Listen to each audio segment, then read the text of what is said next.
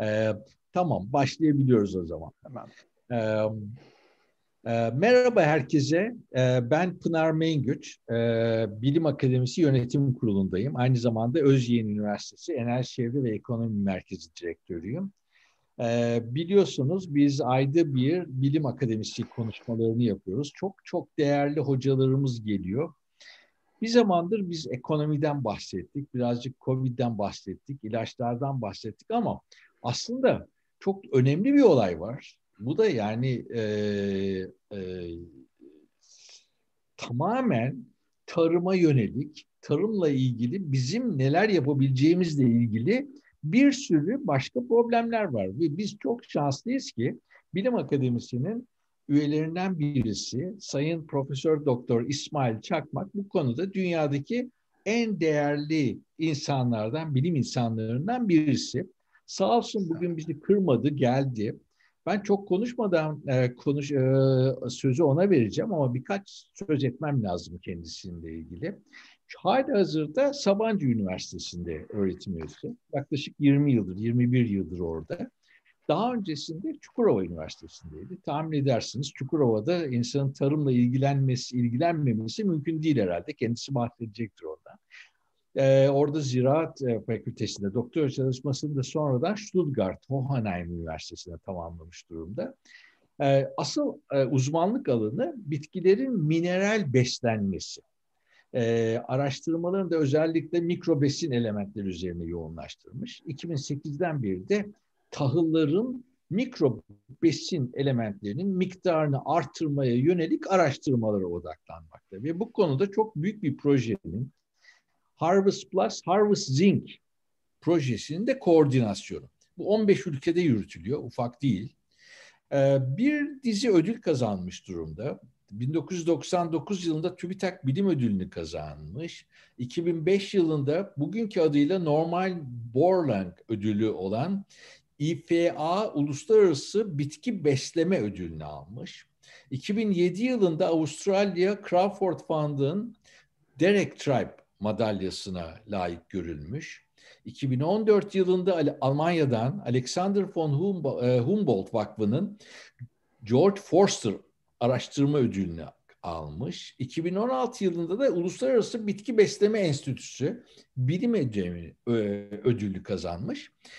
Ve Dünya Bilimler Akademisi Tarım Bilimleri 2016 yılı bilim ödülünü kazanmış. Bunlar çok çok önemli ve yaptığı işlerde e, bütün dünyada ses getiren işler. O nedenle 2017'de ve 2019'da e, highly cited researcher yani çok çok atıp alan araştırmacılar listesinde yer alıyor. 2012 ee, yılında Bilim Akademisi kurulduktan sonra zaten hemen aynı yıl katılıyor e, Bilim Akademisi'ne. Google Scholar'da yaklaşık 35 bin atıfı var. Scopus'ta yaklaşık 19 bin atıfı var. 55 ülkede davetli konuşma yapıyor ve yaptığı işlerin bir ölçümü de yaptığı işleri acaba kim nasıl destekliyor diye bakmanız lazım. O açıdan da yaklaşık 20 milyon e, Amerikan doları mertebesinde yani neredeyse işte şu andaki durumda 180 milyon 160 milyon Türk lirası değerinde araştırma fonları kazanıyor. Bu da demek ki bunu bu çalışmaların değerini sadece okuyanlar değil aslında bu fonları verenler de anlamış durumda. Ben çok konuştum. Kendisinden dinleyelim gerisini. Lütfen sorularınızı e, QA'den sorun. YouTube'dan da gönderebilirsiniz elbette. Ama biz soruları toparlayacağız. En sonunda İsmail Hoca'ya soracağız. Onun konuşmasının akışını bozmamak açısından. İsmail Hocam size bırakıyorum sözü. Pınar Hocam çok çok teşekkür ederim güzel sözleriniz için, bu giriş için. Çok mutlu oldum bugün buraya gelmekle. Sizinle de bir kez daha görüşmek ben dolayı da ayrıca mutluluk duydum. Ee, Bilim Akademisi'ne de çok çok teşekkür ediyorum bu konuşma daveti için. Ee, bugün e, yapacağım e, konuşmanın e, konusunu da az önce ifade ettiniz, e, gizli açlıkla ilgili. İzin verirseniz e, ben e, ekranımı e, e bir e, e, şehir edeyim önce, e, sonra da bir saniye alayım.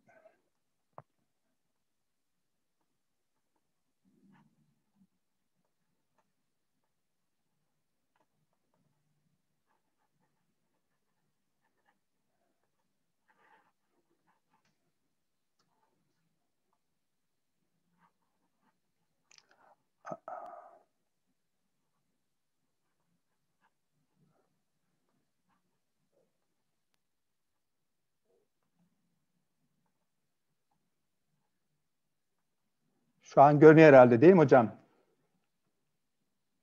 Evet gözüküyor. Tamam. Tekrar teşekkür ediyorum e, size ve Bilim Akademisi'ne e, bu e, fırsatı bana verdiğiniz için bugün. Az önce de ifade ettiniz, edildi. Bugünkü konuşmamızın konusu gizli açlık. İnsanlarda yaygın olarak ortaya çıkan mikro element noksanlığı, noksanlıkları konusunda konuşmaya çalışacağım ve bu problemin e, minimize edilmesinde, azaltılmasında tarımın e, rolünü e, anlatmaya çalışacağım. E, izin verirseniz önce e, bugünkü konuşmaya bir soru ile e, başlamak istiyorum. Soru şöyle, e, 75 milyar dolarınız olsa bu kaynağı insanlığın refahına ve küresel stabilite, istikrara en hızlı şekilde katkı yapmak için nasıl kullanırdınız, nasıl harcardınız? Bilmiyorum aklınıza ne tür sorun alanları e, geldi bu parayı, bu kaynağı harcamak için, söz konusu amaca erişmek için. Ama biliyor musunuz bu soruyu yıllar önce aslında çok da değil 8 o yıl kadar önce e, dünyanın önde gelen e, beşi Nobel ödüllü olan sekiz ünlü ekonomiste sormuşlar. Dediler ki e, ya sizin 75 milyarınız var. Bu kaynağı insanlığın refahına e, ve küresel istikrara en hızlı şekilde katkıda yapmak için nasıl harcarsınız, nasıl kullanırsınız diye bu soru soruldu ve Kopenhag e, mutabakatı adı altında e, bu çalışma yapıldı ve birkaç kez e, bu çalışma yapıldı ve birkaç kez yayınlandı. Ve yaklaşık 30'a yakın sorun alanı e, belirlendi. Yani e, söz konusu e, istikrara ulaşmak için, küresel boyutta, global boyuttaki stabilite ulaşmak için e, mevcut kaynağın harcanması gereken 30 sorun alanını belirlediler ve önem sırasına göre bu 30 alanı sıraladılar. Ben size e, şimdi ilk 5'e giren e, en başta e, en önemli gördükleri 5 sorunu size öncelikle göstermek istiyorum. Herhalde e, dikkatinizi çekiyor. 5 e, ilk önemli sorunun üçünde de yetersiz beslenme söz konusu e, öne çıkmış çocuklarda özellikle yaygın olan mikro besin elementi noksanlıkların giderilmesini çok önemli, çok öncelikli bir sorun alanını sorun alanı olarak gördüler. Aslında ben bugün bu slaytlarla toplantıya konuşmama başlamamın nedeni bugün konuşacağımız konunun sadece tarımda, e, bitkisel üretimde konuşulan bir sorun olmadığını, bugün konuşacağımız konunun sadece sağlık alanında e, konuşulan bir sorun olmadığını, bu konunun aynı, aynı zamanda ekonomik anlamda da çok önem, önemli öncelikli bir konu, e, konu olduğunu vurgulamak için bu e, slaytları öncelikle göstermek istedim. Bugün konuşacağımız konu gizli açlık. Gizli açlık derken insanlarda yaygın olan mikro element noksanlıklarından e, bahsediyorum. Özellikle de çinko, demir, iyot, vitamin A noksanlığı en fazla konuşulan, en çok üzerinde tartışılan e, mikro besin elementi noksanlıkları ve bu noksanlık e, problemleri e, gizli açlık olarak, e, hidden hunger olarak e, literatürde yer almakta. Aslında iki türlü açlık sorunu var biliyor musunuz? Bir tanesi hepimizin bildiği, yaşadığı mutlak anlamdaki açlık. Bu mutlak anlamdaki açlıkta sorun insanların gıdaya erişememe sorunu var.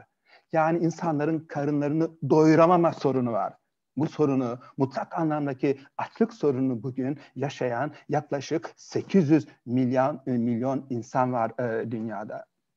Ama bugünkü konumuz bu mutlak açlık değil. Bugünkü konumuz gizli açlık. Gizli açlıkta insanlar gıdaya erişebiliyor karınlarını rahatlıkla doyurabiliyor.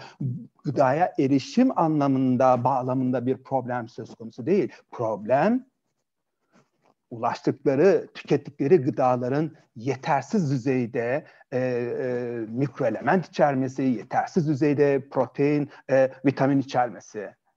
Yani insanlar karınlarını doyururken e, o süreç içerisinde vücutlarımız vücutları için mutlak gerekli olan birçok fonksiyon için mutlak gerekli olan mikro elementleri, vitaminleri alamamaktadır ve bu tür problemi yaşayan bugün 2 milyara yakın insan var.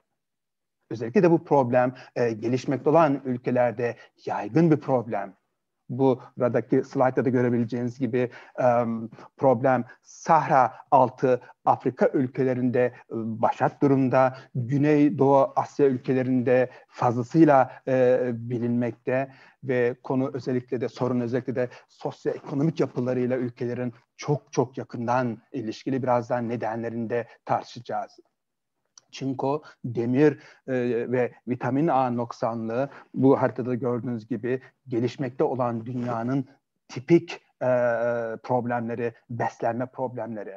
Bir başka problem daha var. Bu problem aslında sadece gelişmek olan dünyada değil, gelişmiş olan ülkelerde de, batılı ülkelerde de çok yaygın olan bir problem. İyot noksanlığı problemi. Aslında bu haritada 2013 yılında yayınlanan bu haritada bugünkü literatür e, bilgilerine bakarsanız e, göreceksinizdir ki bu e, iot noksanlı problemi aslında Amerika'da da çok yaygın, Güney Amerika'da da çok yaygın bir problem. Diyeceksiniz ki ya hocam e, tuza iot katıldı. Buna rağmen bu problem hala günümüze neden bu denli yaygın diye sorarsanız aslında e, güzel bir soru olur bu çünkü bugün bu, bu tuza katılan iyotun gerçekten insanların iyot e, ihtiyacını gidermede yeterli mi değil sorusunu giderek artan bir şekilde sordurmaya, bu konuda tartışmaların ortaya e, e, ortaya çıkmasına neden olduğunu söylemek isterim. Yani e, iyoda katılan, e, tuza katılan iyotun insanlarda iyot noksanını gidermede çok yeterli olan bir e, önlem olmadığı yönünde yaygın bir kanı e, oluşmaya başladı biliyorsunuz e, tuz e, çok e, zararlı olduğu için insanlar ister istemez e, tuz kullanımında, tüketimde azalttığı için aynı zamanda iot tüketimi de e, azalmakta. Bunun da e, eminim ki bu olayda e, büyük bir rolü var. Dikkat ettiğiniz gibi iot noksanlığı birazdan bahsedeceğim. Türkiye'de de çok yaygın bir problem. Demir noksanlığı gibi, çinko noksanlığı gibi. Konum değil ama e, çok kısaca bahsetmek isterim. Peki insanlarda özellikle de çocuklarda mikro besin element noksanlı olduğu zaman ne oluyor? E, ne tür vücut e, fonksiyonları bundan e, etkileniyor? Herhalde bu pandemi sürecinde en fazla duyduğunuz hangi elementi duydunuz diye sorsam herhalde hepinizin söyleyeceği ilk element çinko, e, selenyum olmalı. Gerçekten çinko ve selenyum bağışıklık sisteminin vazgeçilmez mineralleri, elementleri, e, bağışıklık sistemi sistemin e, herhangi bir viral ataka karşı, saldırıya karşı, bakteriyel e, saldırıya karşı en fazla kullandığı, yararlandığı mineral elementlerden hani koruyucu anlamında çinko ve selenyum olmakta bağışıklık sisteminin e, fonksiyonu e, iyi bir e, mineral beslenme özellikle de e, çinko ve e, selenyum beslenmesine fazlasıyla bağımlı. Mikroelement noksanlığında çocukların fiziksel gelişiminde önemli sorunlar ortaya çıkmaktadır kısa boylunun önemli nedenlerinden bir tanesi mikroelement noksanlığı, özellikle çinko noksanlığı gösterilir. Az önce bahsettiğim iot beyin fonksiyonunda vazgeçilmez düzeyde fonksiyonlara sahiptir. Daha anne karnında anne de eğer e, iot noksanlığı varsa e, anne karnındaki bebeğin de e, beyin fonksiyonlarının gerilediğini gösteren yaygın araştırma bulguları söz konusu. Herhalde anemiyi demirle e, olan ilişkisini söylememe gerek yok. Gerçekten mikro element noksanlıkları e, insan vücudunda özellikle çocuklarda e, çok yönlü, çok farklı e, olumsuz etkilere yol açmakta. Az önce işaret ettiğim Çinko'nun e, bu pandemi döneminde çok konuşulan bir element olduğunu, gerçekten çok fazla sayıda araştırma var. Çinko'nun nedenli koronavirüsüne karşı e, koruyucu bir e, rol oynadığını gösteren, burada birkaç e, e makaleyi e, gösteriyorum. Bu e, e, Çinko'nun bu arada selenyumun da nedenli önemli olduğuna e, yönelik olarak. Az önce işaret ettiğim e, iot noksanlığı beyin fonksiyonunu en çok etkileyen e, besin elementlerinden bir tanesi. Bugün e, her yıl 20 milyon yeni doğan e, çocukta e, beyin zararının olduğu, beyin fonksiyonunda problemlerin olduğu ve bu problemin e, iyota bağlı problemler olduğunu gösteren raporlar, e, araştırma e, bulguları yaygın. Şu slide herhalde ilginizi çok çekecektir. Dünyadaki başlıca ölüm nedenleri konuşulduğu zaman, tartışıldığı zaman sıklıkla bahsedilen neden yanlış beslenme. Gizli açlık yanlış beslenmenin en önemli bir formu. Bakınız AIDS ile karşılaştırdığınız zaman, veremle ya da diyabetle veya trafik kazalarıyla karşılaştırdığınız zaman gerçekten yanlış beslenme, malnutrition dediğimiz problem, gizli açlık, mikroelement noksanlığı dediğimiz problem belirleyici bir rol oynamaktadır. Az önce ifade ettiğim problem sadece bir sağlık problemi değil, problem aynı zamanda da bir ekonomik problem. Şu an e, Afrika'da yürüyen, hala devam eden büyük bir proje çerçevesinde yeni yayınlanan bir rakamlara göre bu e, yetersiz beslenme, e, yanlış beslenme e, ülkelerin e, milli gelirleri üzerinde ciddi etkilere yol açmakta. Bakınız Mıs Mısır'da milli gelirin yüzde ikisi sadece bu problemden dolayı e, azalmakta her yıl. Etiyopya'ya bakarsanız bu rakamlar çok daha çarpıcı yüzde on altı, yüzde on yedi civarında. Zaten Dünya Bankası'nın da çok yayınlanmış bu bağlamda raporları var. Bu raporlara göre bu tür e, e, gizli açık probleminden etkilenen ülkelerde milli gelirin yüzde ikisiyle yüzde üçünün Çin ülkelerde yüzde beşinin etkilendiğini, azaldığını gösteren e, raporlar, araştırma sonuçları var. Biliyor musunuz gizli açlık problemi olduğu ülkelerde ülkeler, hükümetler ister istemez sağlık alanında daha fazla harcama yapmaya başlıyorlar. Onun için sağlıklı nesillerin varlığı bu tür harcamaların e, azalmasında belirleyici bir rol oynayacağı için e, problem e, sadece dediğim gibi az önce e, bitki e, araştırıcılarının, tarımcıların ya da sağlıkçıların konuştuğu bir problem değil. Bu problem aynı zamanda da e, ekonomistlerin konuştuğu bir problem. Şimdi asıl soruya geliyorum bu girişten sonra. Neden bu problem bu denli yaygın? Mikroelement noksanı. Az önce söylediğim, işaret ettiğim yaklaşık 2 milyar insan bu problemden etkilemekte. Hatta bazı araştırıcılar bunun 2 e, milyardan da çok fazla olduğunu e, söylemekte, ifade etmektedirler. Birinci neden. Topraklardaki e, var olan mikroelementlerin miktarı bit, e, bitkiler tarafından alınabilir miktarı, kimyasal anlamda yarayışlı olan miktarı çok çok düşük düzeyde. Dolayısıyla o topraklarda, o tarım topraklarında yetişen bitkilerde de çinko gibi, demir gibi, selenyum gibi elementlerin miktarı çok düşük olmakta. Yani problem topraktan başlıyor. Toprak, biraz, birazdan da bahsedeceğim, bugün gıda zincirindeki tüm mineral besin elementlerin ana kaynağı. Onun için önce şundan çok emin olmalıyız. Bu üretimi yaptığımız, bitkisel üretim yaptığımız topraklarda besin elementlerin miktarı, özellikle de mikro besin elementlerin miktarı nedir sorusunu sıklıkla sormamız gerekir bazı dinleyici arkadaşlarımız, konuklarımız bilirler gübreleme dediğiniz zaman insanların aklına hep azot gübrelemesi, fosfor gübrelemesi, potasyum gelir, NPK dediğimiz gübreler gelir. Çok az ilgi vardır mikro besin elementi gübrelemesine. Birazdan bahsedeceğim bitkiler her yıl topraktan inanılmaz miktarda mikro besin elementi kaldırıyor. Ondan dolayı e, ana problemi topraklardaki mikroelement noksanlı olarak söyleyebilirim. İkinci neden sosyoekonomik nedenlerden dolayı insanlar ağırlıklı olarak tahıl ve bakliyat tüketiyor. Biliyor musunuz mikroelementlerin en çok bulunduğu, en zengin bulunduğu gıdalar hayvansal proteince zengin gıdalar bitkisel kökenli gıdalar, özellikle tahıllarda, bakliyatta bu tür mikroelementler miktarı son derece düşük. Hele hele topraklarda bir de mikroelementler bakımından düşükse o zaman çok daha e, bu değerler düşmeye başlıyor. Onun için topraklardaki eksiklik ve diyetteki tahılların ve bakliyatın ağırlığı çok belirleyici bir rol oynamakta bugün dünyada e, bu denli e, mikroelement noksanlı probleminin yaygınlığında. Bakınız e, birçok gelişmekte olan ülkelerde, ülkede tahıllar, tahıllar kırsal kesimdeki kırsal kesimde yaşayan insanların günlük kalori ihtiyacının neredeyse yüzde yetmişini sağlıyor. Gidiniz Güneydoğu Asya ülkelerine, örneğin Bangladeş'e, Kamboçya'ya. Kırsal kesimde yaşayan insanların tükettiği gıdaya bakın. Neredeyse insanlar sadece çeltek pirinç tüketiyor. Orta Anadolu bölgesine gidiniz, Türkiye'ye gidiniz. Türkiye'de Türkiye'de bir buğday tüketen bir ülke. Türkiye'nin ortalaması yaklaşık yüzde 45'tir. Yani Türkiye'de insanların tükettiği kalorinin yaklaşık günlük tükettiği kalorinin yaklaşık yüzde 45'i buğdaydan gelir. O aslında çok yüksek bir rakam. Avrupa toplumunda bu değer yaklaşık e, yüzde 20 civarındadır. Ama şunu söylemek isterim ki bu Türkiye ortalaması kırsal kesime giderseniz buğdayın günlük kalori ihtiyacının karşılanmasındaki rolü belki de yüzde 60'lara 65'lere çıkmaktadır. Nasıl uzak doğu ülkelerinde pirinç çok önemli bir gıda kaynağıysa, kalori kaynağıysa, kaynağıysa Türkiye'de de buğday en önemli e, kalori kaynağı ve bilmelisiniz ki e, buğday, tahıllar az önce de işaret ettiğim gibi mikro element konsantrasyonları bakımından gerçekten çok düşük düzeydedir.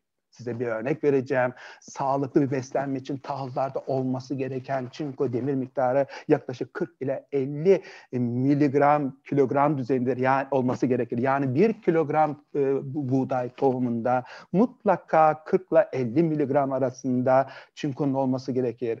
Ama gidiniz şu an Orta Anadolu'da, Eskişehir'de, Konya'da büyüyen, yetişen buğdayların tanesindeki çinko miktarını analiz ediniz. Genellikle 20-25 ppm bulursunuz.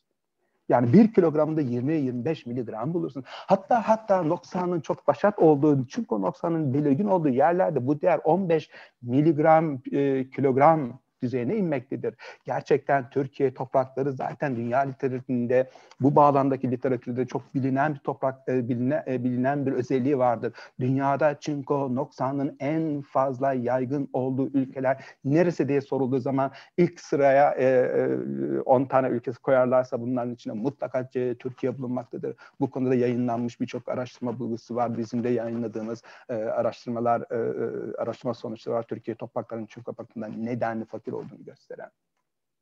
Tahıllar sadece çinko bakımından fakir değil, aynı zamanda da selenyum e, konsantrasyonu bakımından da çok fakir. Türkiye, Avrupa'da topraklarda ciddi boyutta selenyum noksanlığı var.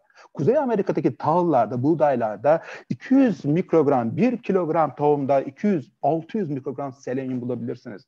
Ama geliniz Türkiye'deki buğdaylara bakınız 40 ile 50 mikrogram selenyum değerlerini bulabilirsiniz. Gördüğünüz gibi çok büyük bir e, e, e, e, farklılık var e, olması gereken miktarla var olan miktarlar arasında. Bu da sürekli tavla tüketilen tüketen insanlarda selenyum noksanının ortaya çıkmasına e, yol açmaktadır. Az önce işaret ettiğim gibi selenyum problemi Avrupa'da da bilinen e, yaygın bir problem tahıllarda.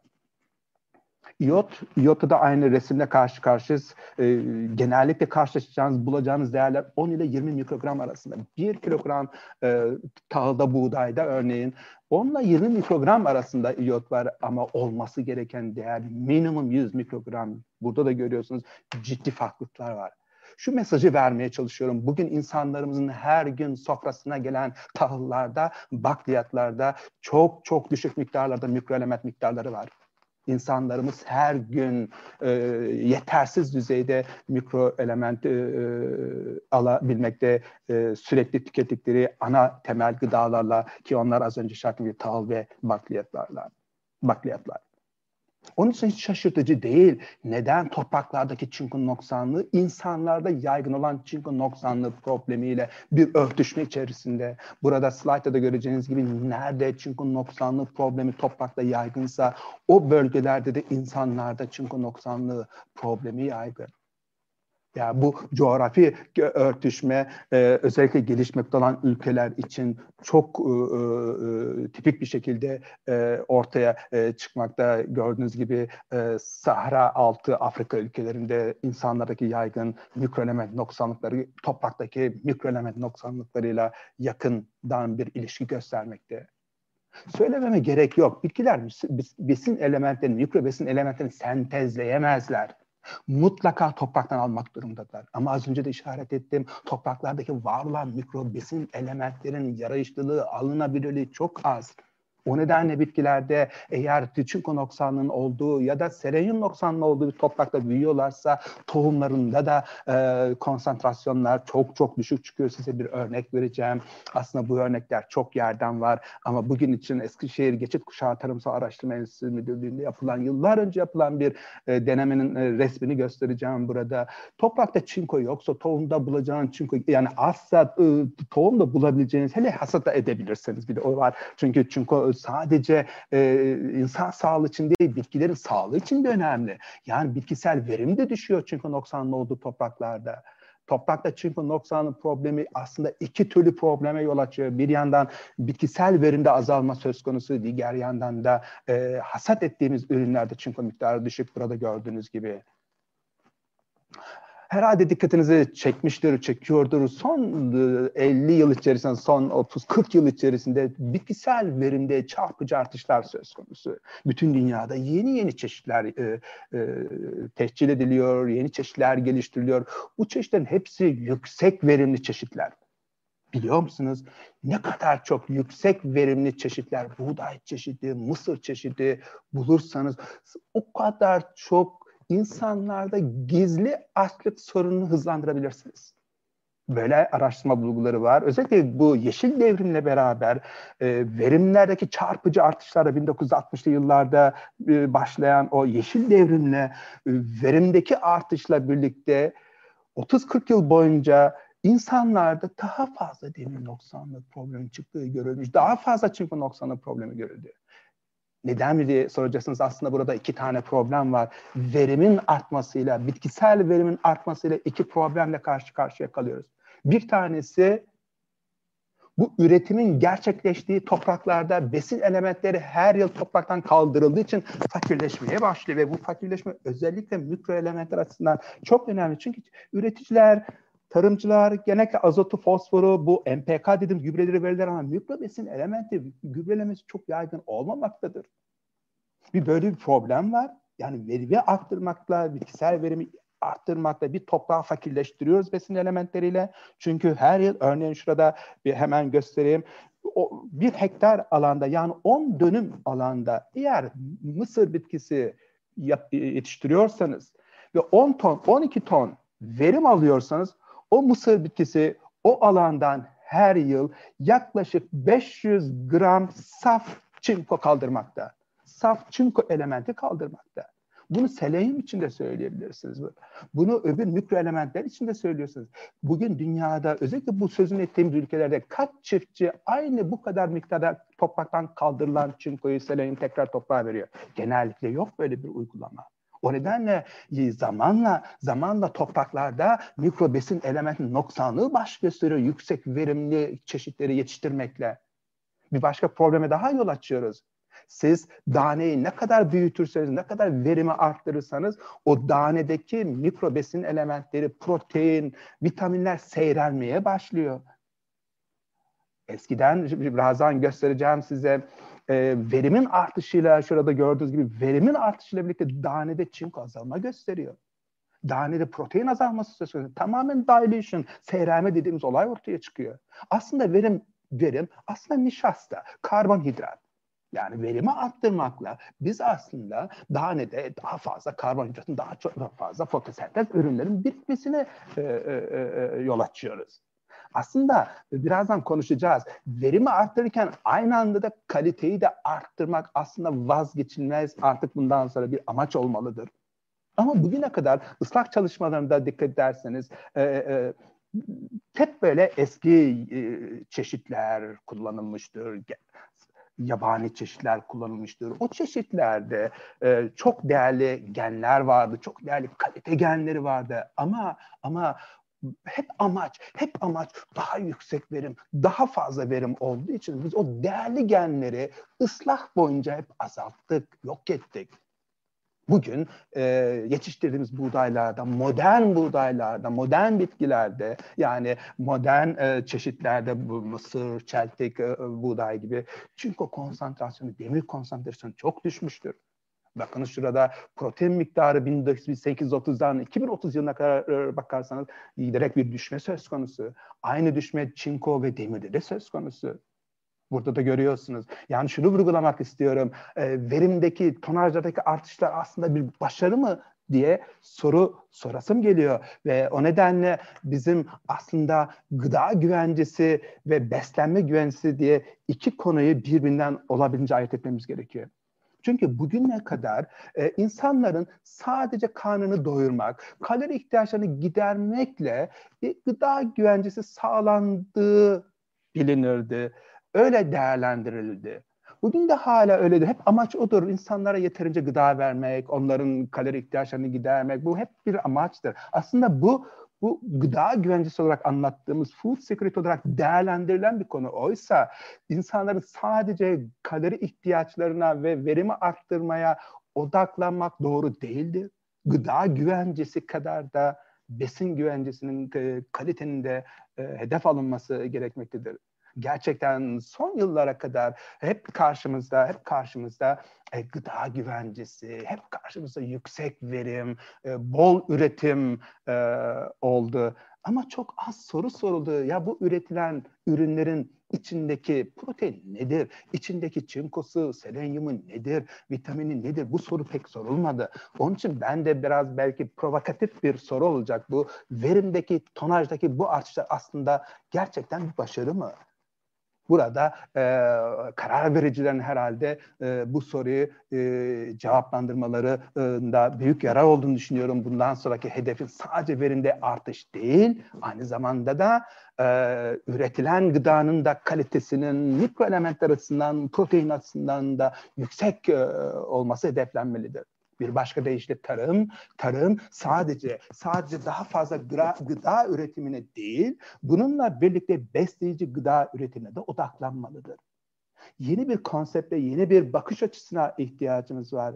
Az önce bahsettiğim bu mikro besin elementleri özellikle çocuklarda, özellikle e, kadınlarda e, çok yönlü, çok farklı, önemli fonksiyonlara sahip insanların e, her gün düzenli olarak yeterli miktarlarda bu besin elementlerini almaları gerekiyor. Bir takım hastalıklara karşı vücut dayanıklılığının, direncinin, immün sisteminin e, dayanıklı e, ya da cevap verir olabilmesi için. Bir çalışmada yeni yayınlandı bu çalışma. Türkiye, Türkiye buğdayın çinko bakımından zenginleştirilmesi gerekliliğinin en yüksek olduğu ülkelerden biri olarak gösterildi.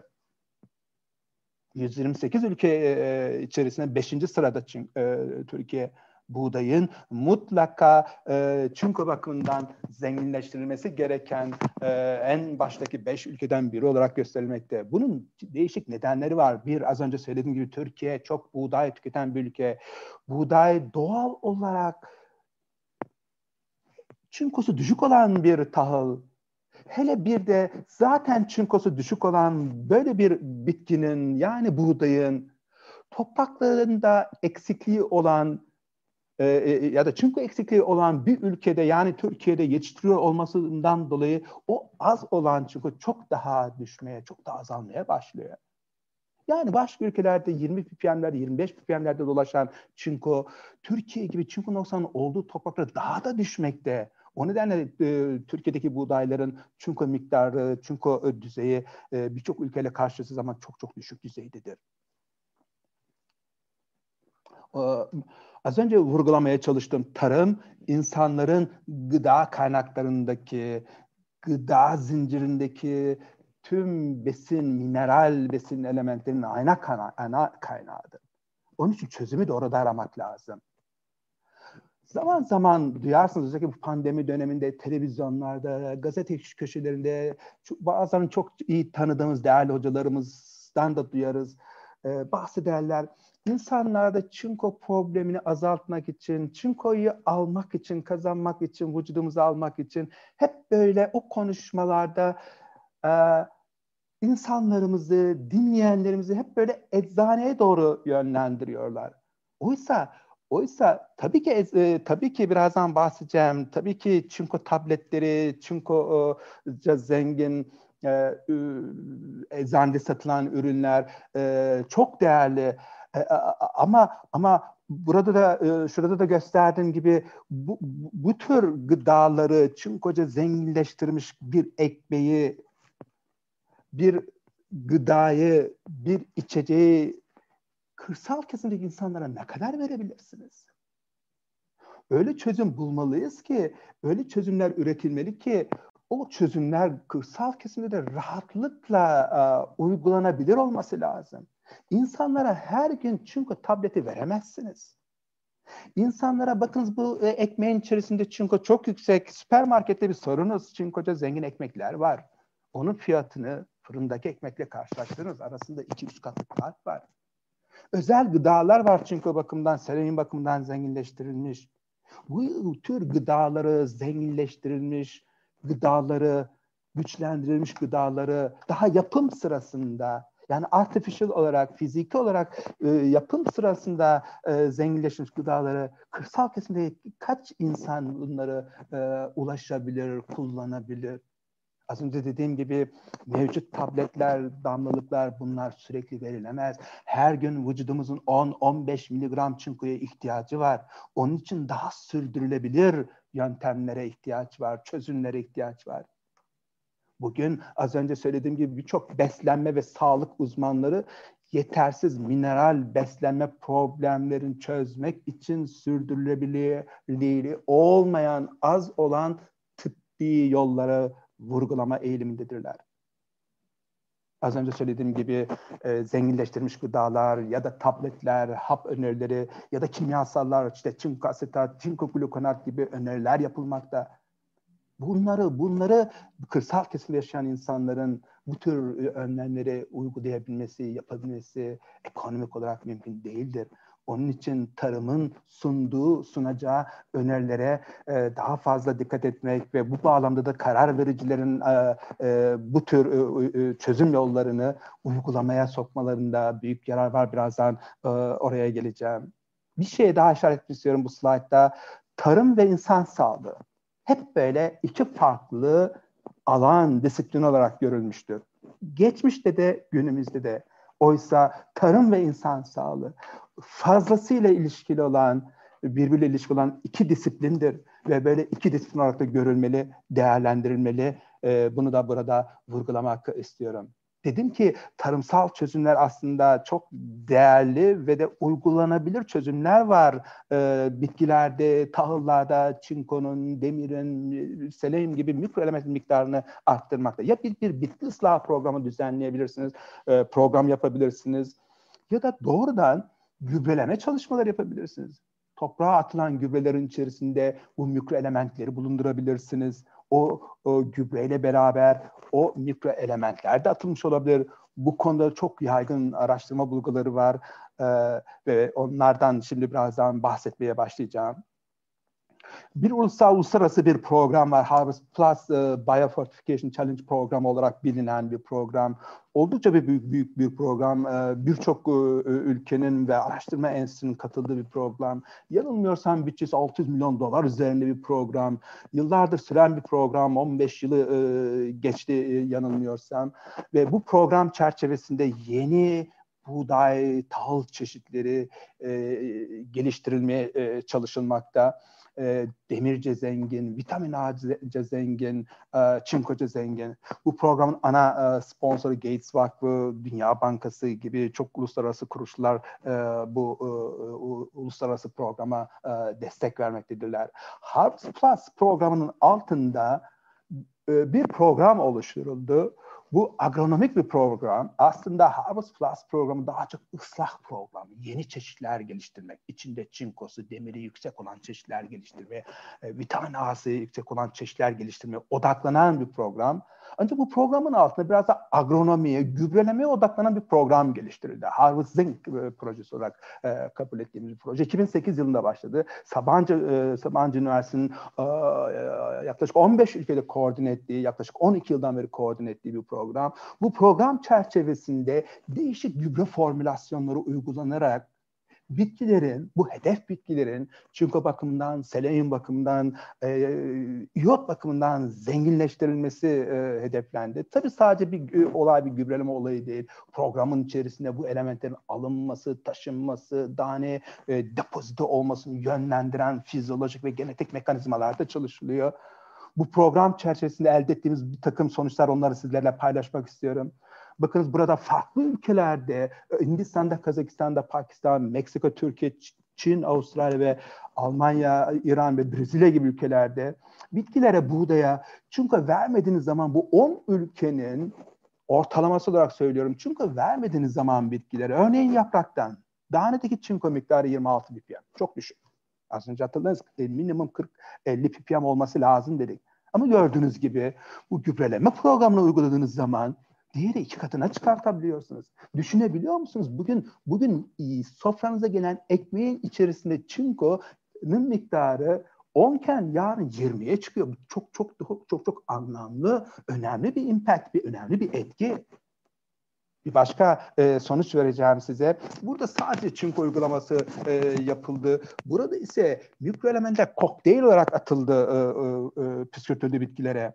Yani aynı anda içinde çinko, iyot, selenyum ve demir olan e, uygulamalar, e, çözeltinin olduğu çözeltiler e, bitkilere püskürtüldü ve Dahanedeki miktarlara bakınız. Çinko'nun değeri 29 e, miligramdan 47 miligrama çıktı 1 kilogram tohum başına. İyodun değeri, selenyumun değeri 1 kilogram e, tohum başına 24'ten 249'a çıktı. İyotta 90'dan 338 mikrograma çıktı selenyumda. Çin, Hindistan, Pakistan, Güney Afrika ve Türkiye'deki e, yapılan e, araştırmanın ortalaması olarak e, söylüyorum bunu. Gerçekten bu agronomik yöntem, bu bu bu tarımsal yöntem, bu gübreleme yöntemi, yöntemi başka deyişle bitki besleme yöntemi çok iyi çalışıyor. Yani bunu bunu öyle öyle aman aman bir yüksek bir teknoloji de değil. Pancap bölgesinde, Orta Anadolu bölgesinde, Brezilya'da Cerrado bölgesinde bir başka gelişmekte bir başka ülkenin kırsal kesimdeki herhangi bir çiftçinin rahatlıkla uygulayacağı bir problem. Düşünebiliyor musunuz? Bugün bir uygulama yapıyorsunuz arkasından yarın o uygulamanın etkisini görüyorsunuz. Bu uygulama, bu, bu uygulama çevreden etkilenmiyor, topraktan etkilenmiyor, çeşitten etkilenmiyor. Mutlaka etkilenmeler var ama öyle çarpıcı etkilenmeler değil. Her ülkede uygulayabileceğin son derece pratik bir yöntem. İnsanların günlük alması gerektiği çinkoya, iot, selenyum miktarına dokunuyorsunuz bu uygulamayla. Bakın bu, bu, bu, bu projeye benzer bir proje Finlandiya'da yürütüldü yıllar önce. 1900 85'li yılların başında e, başladı. Finlandiya'da topraklarda, insanlarda, sütte, gıdalarda, ette, e, yem bitkilerinde inanılmaz derece düşük selenyum miktarı e, söz konusuydu. Bunun üzerine, bunun üzerine e, Fin hükümeti bir karar verdi. 1980 yılının başında bu, bu, bu, bu bir hükümet kararıydı. Bu bir ülke kararıydı. Dediler ki hey biz bundan sonra 1980 yılların başıydı. Bundan sonra Finlandiya'da atılacak olan tüm NPK gübrelerin içerisine bir kilogramına 10-15 miligram selenyum koyacağız. Bu kararı uyguladıktan sonra bakınız neler oldu. Buğdayda çinko miktarı daha 50 e, mikrogram, 1 kilogram buğdayda 40-50 mikrogramken bu değerler 200'lere çıktı, 150'lere çıktı yıllar boyunca. Kanda ki selenyum, e, serumdaki selenyum miktarında çarpıcı artışlar oldu. Burada datayı sonuçları vermiyorum. Sütteki inek sütlerinde artışlar oldu e, yem bitkilerinde artışlar oldu. E, yani günlük e, tüketilen bitkisel kökenli gıdalarda, hayvansal kökenli gıdalarda bu uygulamayla tüm ülke çapında yürütülen bu uygulamayla e, artışlar oldu. Bu bir Finlandiya e, başarı öyküsü olarak da literatürde yer almakta. Aslında biz zaman zaman bu önerileri yapıyoruz, yapmadık değil. Türkiye'de yaptık, başka yerlerde yaptık. Gübrelere bu tür mikro elementleri katalım diye, insanların sağlığına bu yolla dokunalım diye. Çünkü bugüne kadar, bugüne kadar dünyada mikro e, gizli açlık problemini azaltmak için o kadar çok yöntem, uygulama, sağlıkla ilgili, beslenmeyle ilgili, eğitimle ilgili o kadar çok uygulama yapıldı ki en azından son 40-50 yılda. Biliyor musunuz problemin büyüklüğü hala aynı. Bakınız geçen yayınlandı. Dünya Sağlık Örgütü'nün yayınladığı, raporda, UNICEF'in yayınladığı raporda e, göreceksinizdir. Dünyadaki gizli açlık problemi, e, problemi hala devam eden bir problem. Diyoruz ki e, gelin bir de bu agronomiye bir e, e, e, e, e, bir e, e, e, mevcut uygulamaları entegre edelim, e, gübreleme yoluyla da bu problemi minimize etmeye çalışalım diye öneriler yapıyoruz. Yani bu öneriler yapılırken de aslında zaman zaman da yine yaşlı topraklara bu kadar şey mi atacağız, e, mineral mi atacağız e, diye eleştiriler de gel- geliyor. Oysa atılacak olan miktar o kadar az ki. Hani da, hep nasıl söyleyeyim daha çok bardağın e, boş tarafına e, bakan bir görüş söz konusu. Oysa Finlandiya'daki e, öyküye bak, e, bakmakta şu an o, o, orta, e, e, Asya'daki birçok ülkede mikroelement kullanımı artmaya başladık. Oradaki örneklere bakmak gerekir.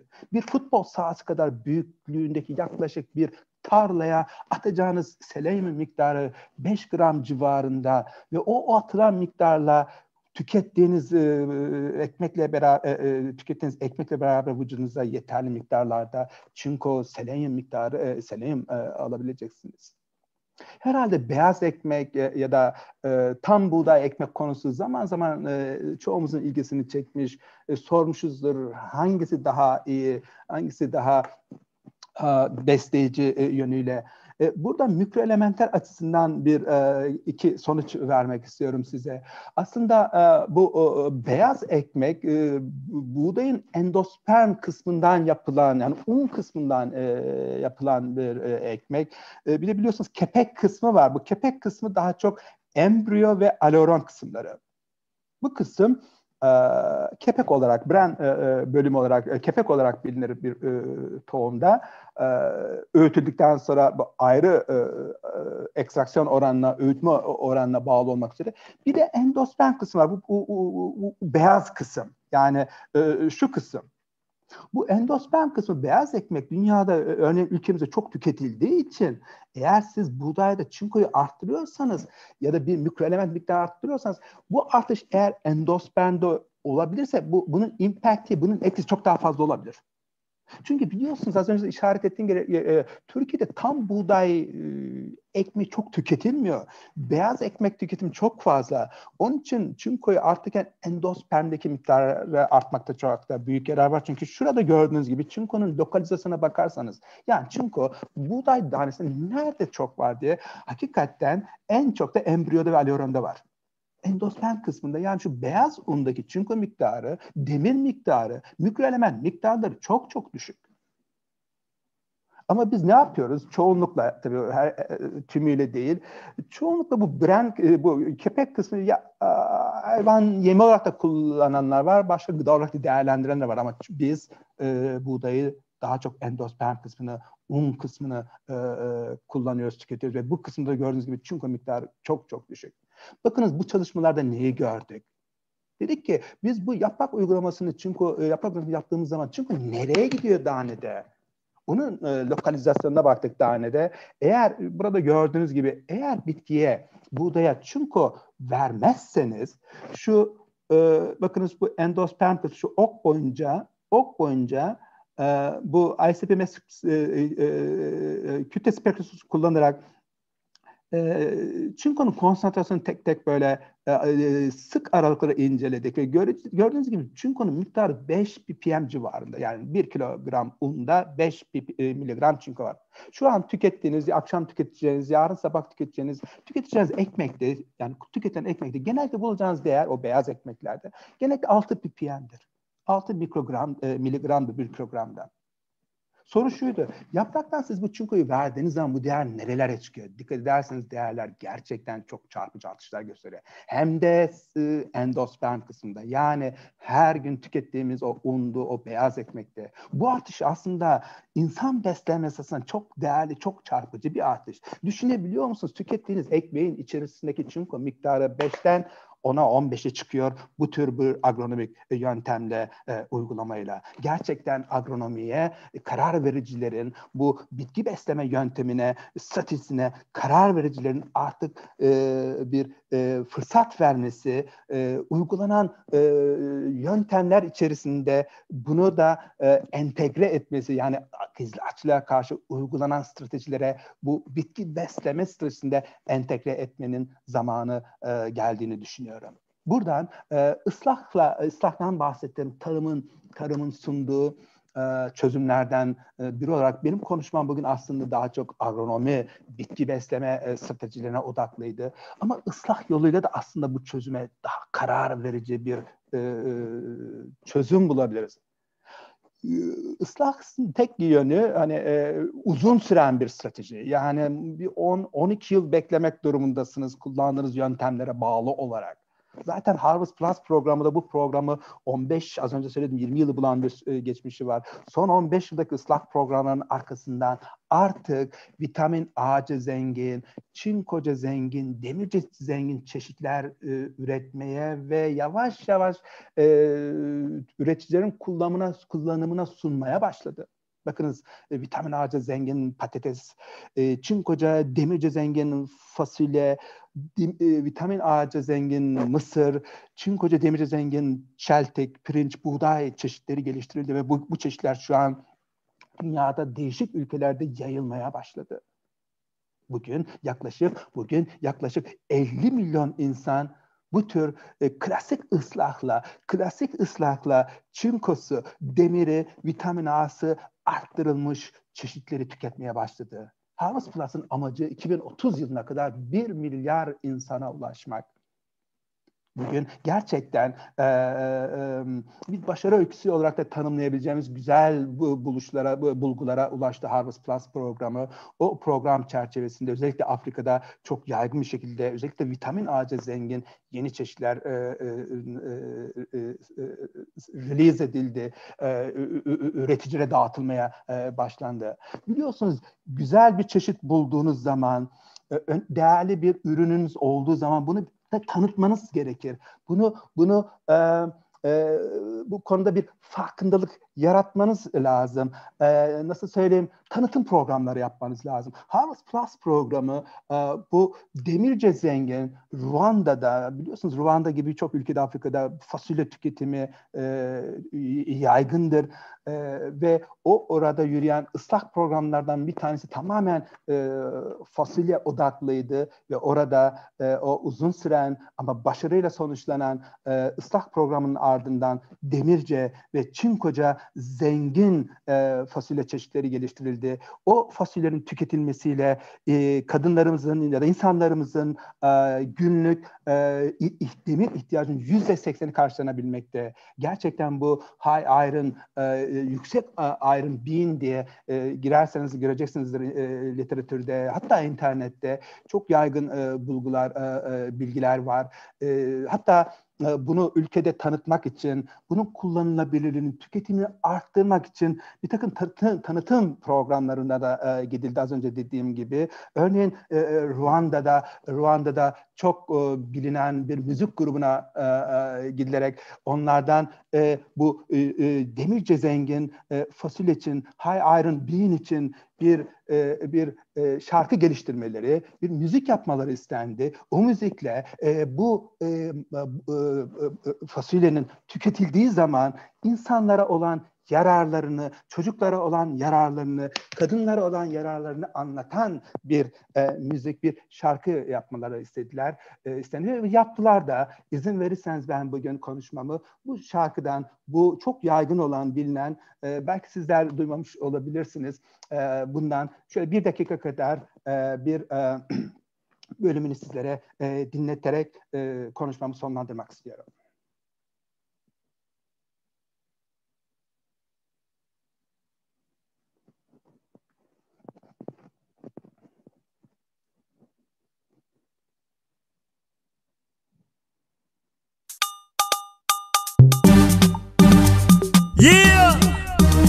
I mean without beans and rudder is just like I mean without food. ibishimbo bikungahaye ku butare.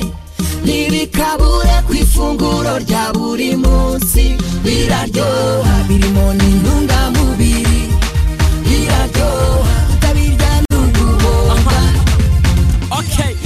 abana barya ibishyimbo bitari mu butare mu mibiri yabo haburamo abasirikare. Bakabaho bagaragara nk'abananiwe bakagira n'ikibazo cyo kwibagirwa. Urya ibishyimbo biri mu butare arakomera ntabwo yibagirwa ntabwo ahondobera. Ejo hazaza he haba ari heza kuko akomeye aba afite amaraso ku kigero gikenewe. Ibishyimbo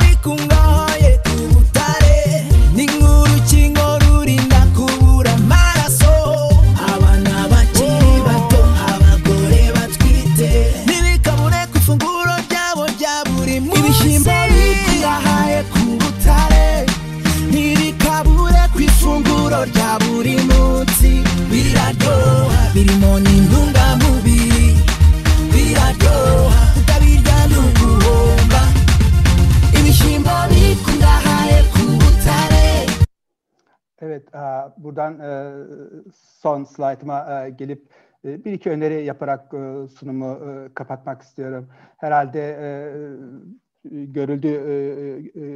bitki beslemesi, e, gübreleme stratejisi, gizli açlık sorunuyla mücadelede çok etkili, çok hızlı çözümler sunmaktadır. Bu stratejinin karar vericiler tarafından dikkate alınması gerekmektedir. Eğer tarımsal topraklarda bir an için düşününüz, tarımsal topraklarda bitkisel üretim yaptığınız topraklarda bitki bes, e, mikro besin elementleri eksikse, noksansa dikkate alacağınız diğer çözümlerin başarılı olma şansı çok azdır. Bugün tarım ve, ve gıda odaklı çok politikalar var. Bu problemi minimize etmek için. Ama önce topraktan başlamak lazım. Problem orada başlıyor. Gizli açlıkla ilgili problem toprakta başlıyor.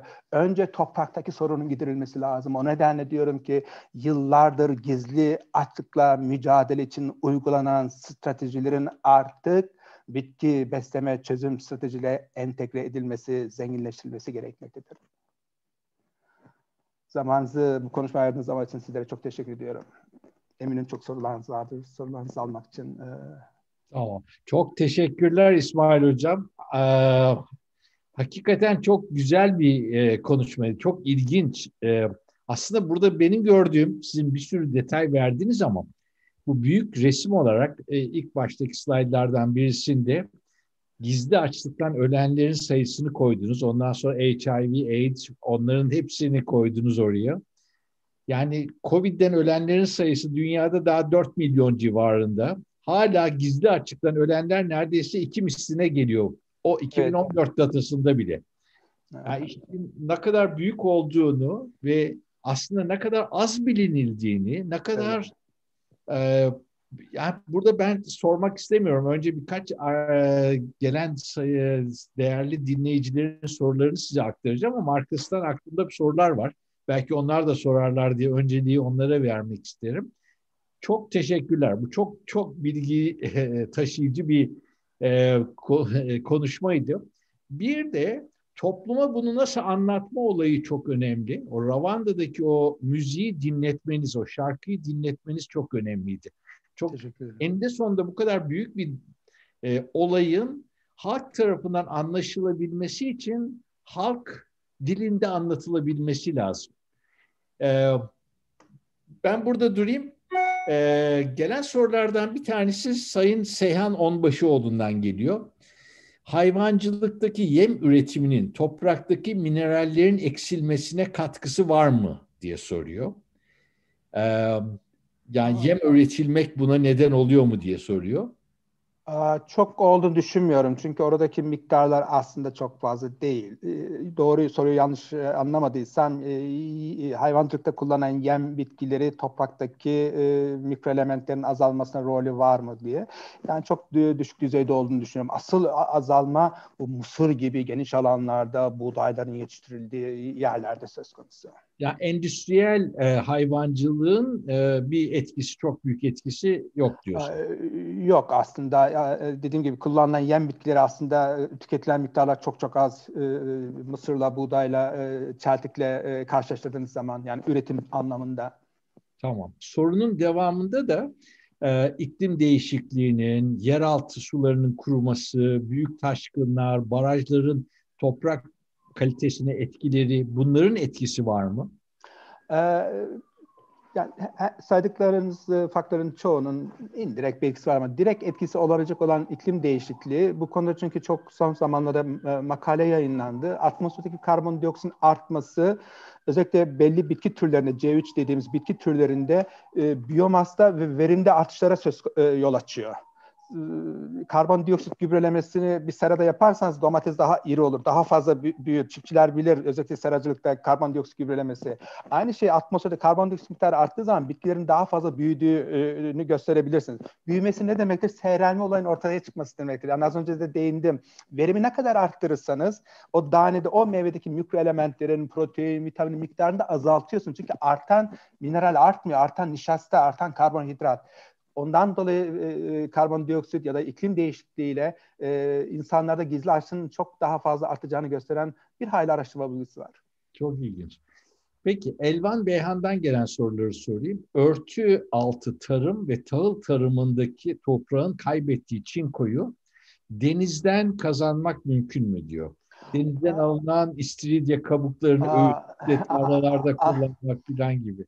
Anladım soruyu. Ee, evet İstiridye'de deniz ürünlerinde inanılmaz derecede yüksek derecede çinko, çinko var. Ama bir an için düşününüz Orta Anadolu'daki çinko noksanın olduğu 5 milyon hektar alanı o, e, yani buralara istiridyelerle atmak çok lüks bir e, e, yaklaşım olabilir herhalde.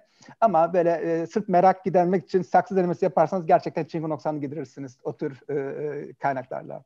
Ama pratik pratik yeni yok. Onu vurgulamak istiyorum. Peki. Ee, Mehmet Fatih Çakır'dan gelen soruları sorayım size.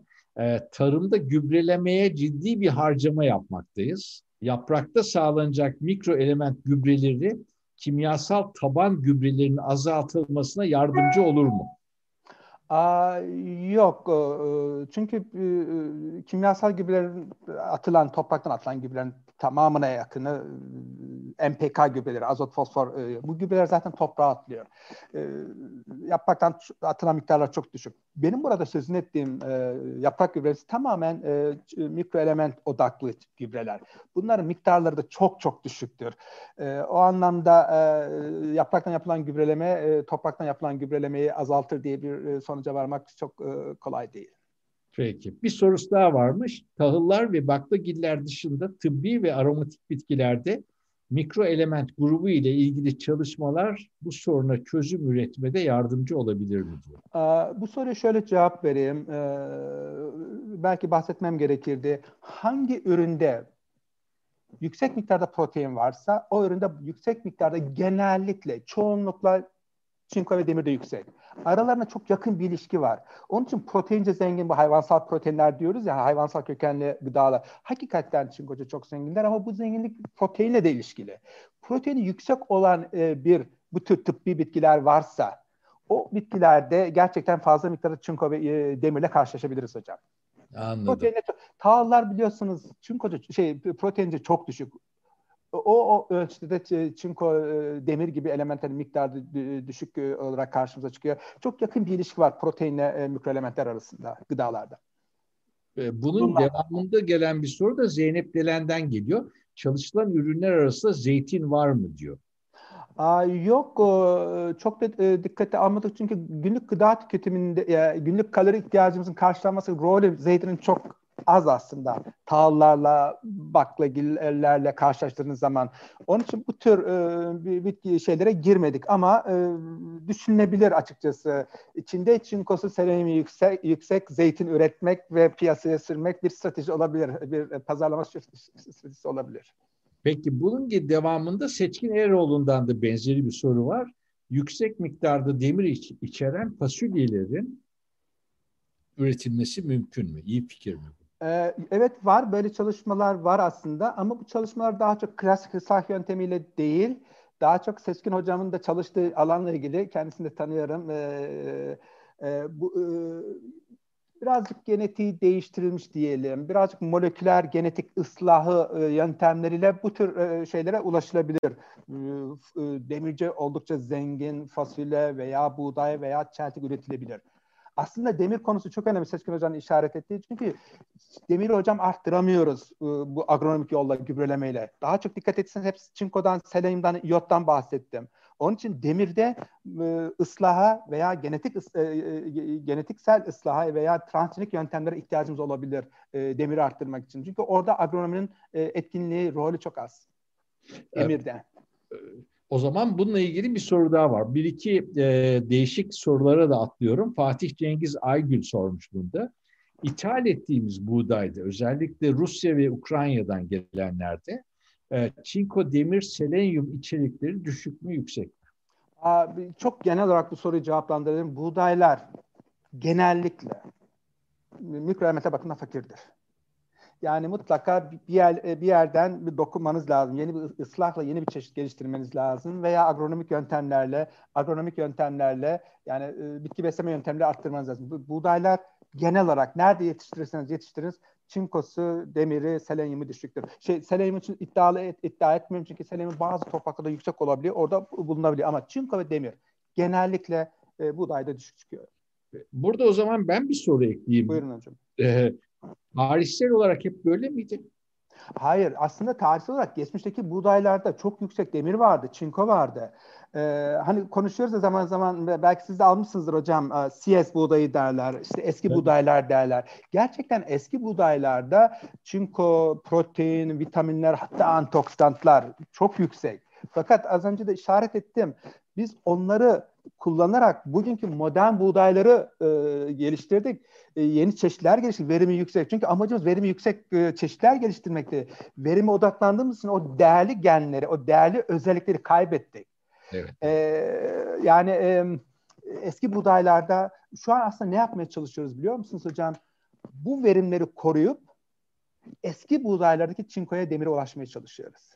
Hmm. Yani bugünkü evet. verimlerde kalıp şu an bu bizim en büyük e, şeyimiz e, nedir? Hedefimiz. E, ya az önce dediğim de sadece verime değil aynı anda da demir ve çinkosu yüksek bir tarım yapmalıyız. O nedenle eski buğdaylardaki kadar çinko demir ama bugünkü verim kadar da verime sahip çeşitlere odaklanmalıyız ya da üretim tekniklerine odaklanmamız gerekiyor. Çok güzel. Tam burada da tekrar o zaman geleyim tekrar yukarıya döneyim.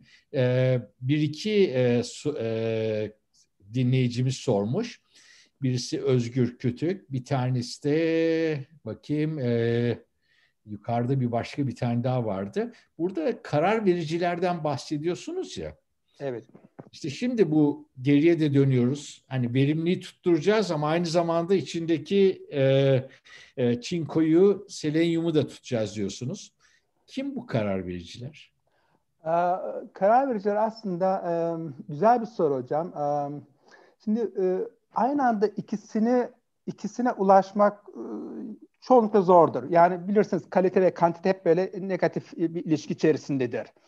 Ama e, e, az önce onun için yaprak gübrelerini özellikle vurguladım.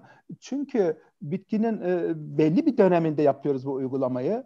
O dönemde yaptığınız uygulamada e, uygulamada verim hala aynı. Hatta verimi biraz daha iyileştirebiliyorsunuz ve aynı anda da demir ve çinkoyu arttırabiliyorsunuz. Burada karar vericiler şunu yapabilirler. Hocam yanılmıyorsam proteinde uygulanıyor bu şu an Türkiye'de. İşte protein miktarı buğdayda e, yüzde bir, yüzde iki fazla ise ortalamadan örnek olarak veriyorum genellikle diyelim ki %12 bu e, protein var. Eğer bu %12 değil de %13 ise 14 ise çiftçiye diyor ki ben sana bonus vereceğim. Ben sana bir e, e, ekstra bir ödeme yapacağım. Bunun gibi ekstra ödemelere e, şey, incentive dediğimiz e, ödüllendirmeler olması lazım. E, karar verici demeli ki bakınız bizim buğdaylarımızda Türkiye'de buğdaylarda çünkü miktarı yaklaşık işte bir kilogramında 30 e, miligram kim ki 40 miligram çinkoya sahip e, buğday getirecek ben ona işte yüzde on daha fazla ödeme yapacağım. Bu tür şu an bu dünyada en çok konuşulan e, öneri. Bu, bu şekilde e, üreticiler e, motive edilebilir, e, yönlendirilebilir ya da e, şey e, örnek olarak söyleyeyim halk ekmek e, fırınları e, halk ekmek e, fırınlarında yani halk ekmek şirketlerinin ürettiği ekmekler daha çok böyle yani sosyoekonomik e, e, durumu zayıf olan insanlarımız tarafından e, e, tüketiliyor. E, bu halk ekmek e, e şirketlerinin fırınlarında e, üretilen ekmeklerin e, sözleşmeli çiftçiler tarafından genellikle bildiğim kadarıyla buğdaylar sözleşmeli çiftçilerden sözleşmeli üretimle e, yapılıyor.